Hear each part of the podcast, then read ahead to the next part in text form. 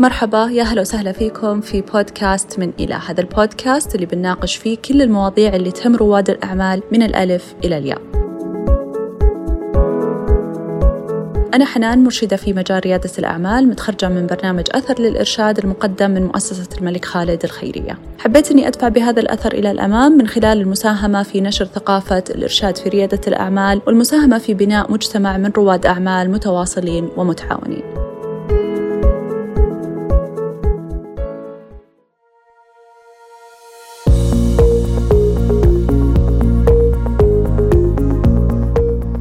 يمكن هذه الحلقة من أكثر الحلقات اللي استغرقت مني وقت وجهد في البحث والإعداد. وأشكر مقدما الدكتور محمد الزامل والأستاذ فراس الجراح اللي ساعدوني في المصادر وشاركوني نقاشات مثرية لبرورة محاور ومحتوى هذه الحلقة.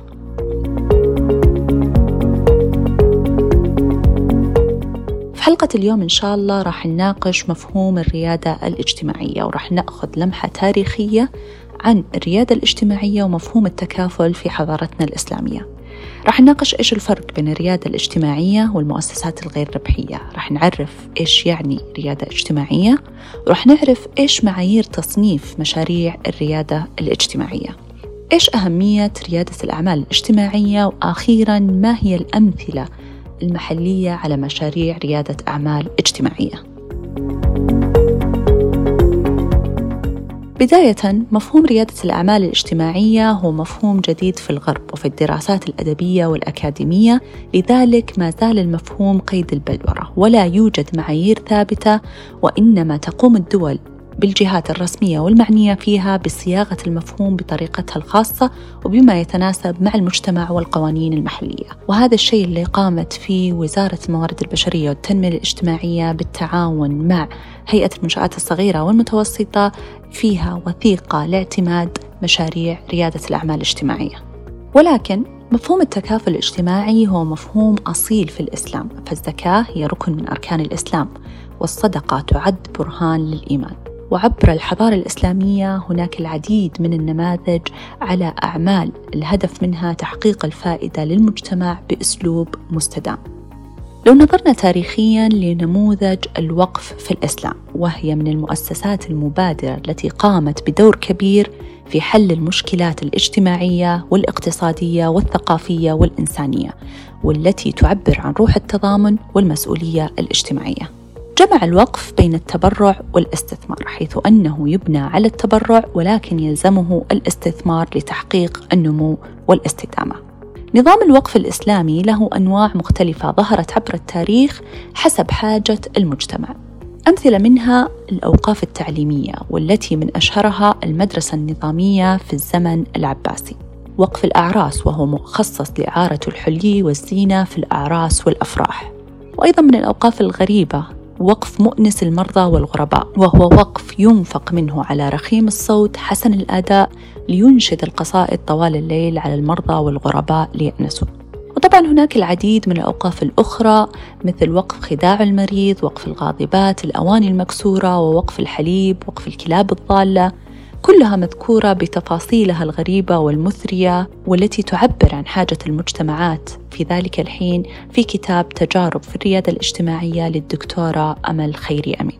كل هذه الأوقاف عبر التاريخ كانت تعتبر مساهمة القطاع الأهلي في التنمية دون الإثقال على كاهل الدولة وكانت تحقق فائدة اجتماعية حسب حاجة المجتمع في زمن الوقف. وعشان نفهم سياق الأوقاف وأثرها على المجتمع من القصص المحلية الجميلة في الأوقاف قصة وقف قدر الجريش والتي قامت سيدة في منطقة القصيم بوقف قدر لطهي الجريش في مسجد. بحكم أن الناس كانوا في ذاك الزمان فقراء قدر الجريش له مواصفات خاصة تختلف عن أنواع القدور المختلفة.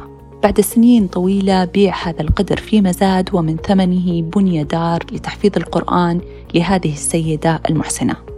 وبذلك تنامى هذا الوقف وحقق أثر مختلف يمكن باختلاف الوقت ولكن مستدام للمجتمع. على نموذج الوقف الإسلامي قامت المؤسسات الخيرية والمنظمات الغير ربحية بشكلها الحديث والتي اعتمدت على التبرعات بشكل أساسي.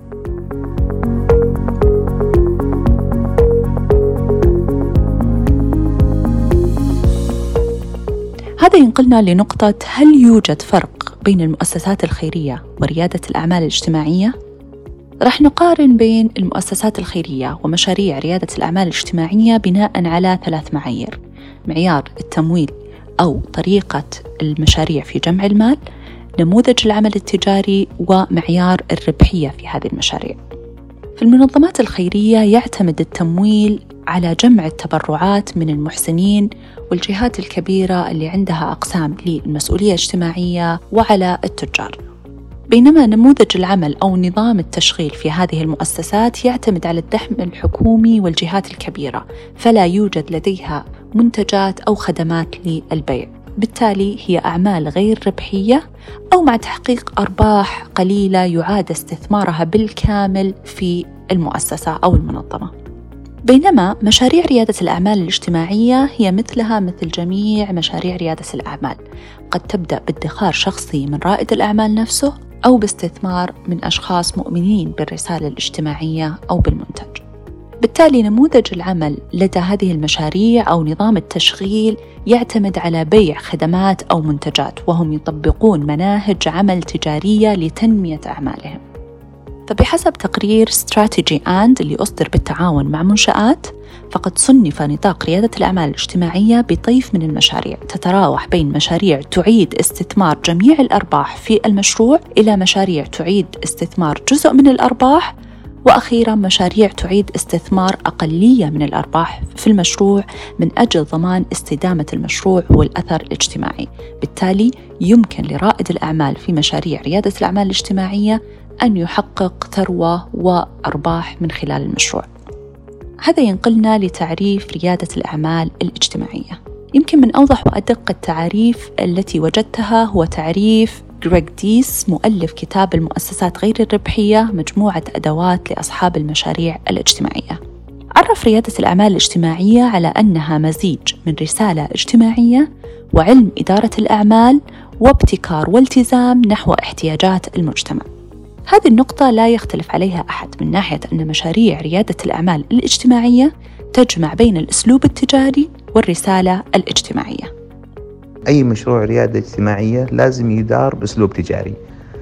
لكن بعد ما ي... بعد ما نشوفه أنه يدار بأسلوب تجاري هل هو أنشئ من أجل المال ابتداء ولا أنشئ, أنشئ من أجل القضية ابتداء؟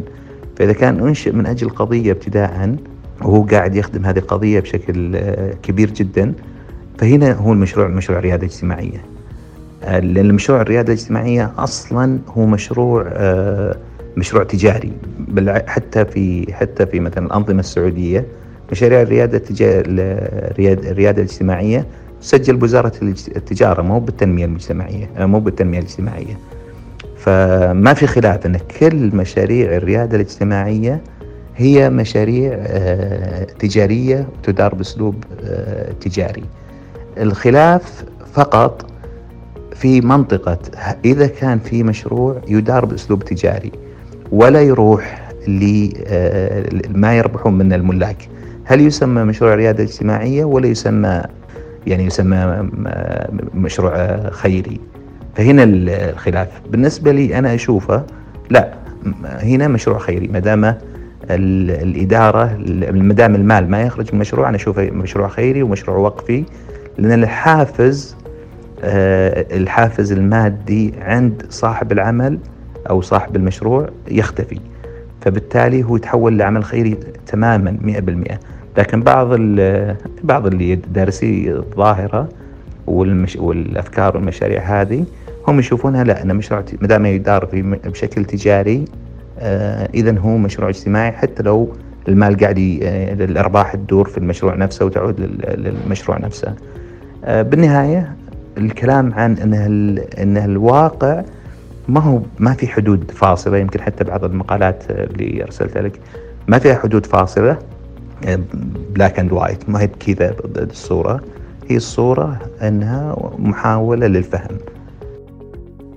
كان هذا الدكتور محمد الزامل المشكور إذا تعريف ريادة الأعمال الاجتماعية هو واضح وصريح ولكن منطقة الخلاف هي في تصنيف مشاريع ريادة الأعمال الاجتماعية وضعت وزارة الموارد البشرية والتنمية الاجتماعية بالتعاون مع منشآت وبرنامج التحول الوطني معايير لاعتماد مشاريع ريادة الأعمال الاجتماعية.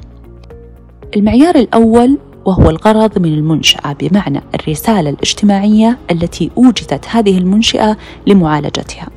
مثال على ذلك في السعودية نهدر ما يقارب 400 ألف طن رز في السنة وهو ما يعادل تقريبا ثلث ما يتم استيراده فقام رائد الأعمال مشعل القراشي بابتكار صحن مشعل لحل مشكلة هدر الأغذية في المناسبات الاجتماعية المعيار الثاني هو قياس الأثر الاجتماعي بمعنى هل حققت المنشأة الغرض المرجو من تأسيسها؟ المعيار الثالث وهو معيار الاستدامة من ناحية إعادة استثمار الأرباح في المنشأة وقدرة المنشأة على تبني نماذج عمل قابلة للتطبيق والنمو. طب ليه الجهات الرسمية مهتمة بدعم قطاع ريادة الأعمال الاجتماعية وإيش أهمية ريادة الأعمال الاجتماعية على الاقتصاد وعلى المجتمع؟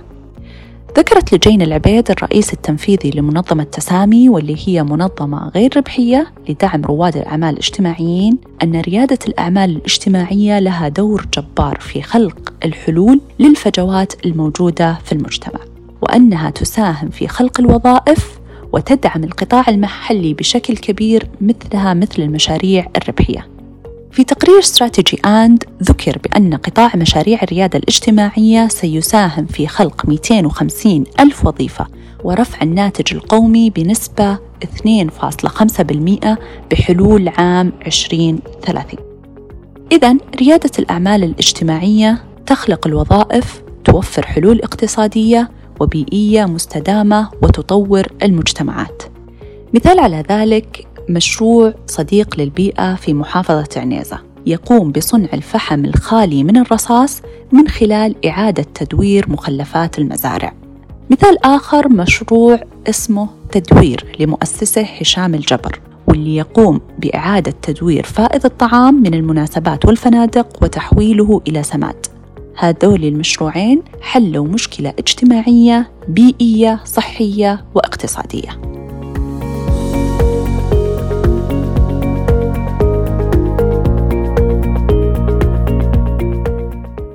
خلاصة حلقتنا لليوم المسؤولية الاجتماعية هي جوهر ديننا الإسلامي الحنيف ولكن لا يمنع أن تجتمع المنفعة الشخصية مع المنفعة العامة. فقد قال تعالى ولا تنسى نصيبك من الدنيا. كالعادة جميع المصادر المذكورة في الحلقة راح تكون موجودة في وصف الحلقة. هذه كانت آخر حلقة لنا في موسمنا الأول. كان هدفنا في البودكاست خلال الموسم هو أننا نقدم معلومات دقيقة بأسلوب سريع وقصير يتناسب مع نمط حياتنا العصري نتمنى أننا نكون وفقنا في تحقيق هذا الهدف وتسعدنا مساعدتكم لتطوير هذا البودكاست من خلال آرائكم واقتراحاتكم واشتراككم في البرنامج وتقييمكم على منصات الاستماع.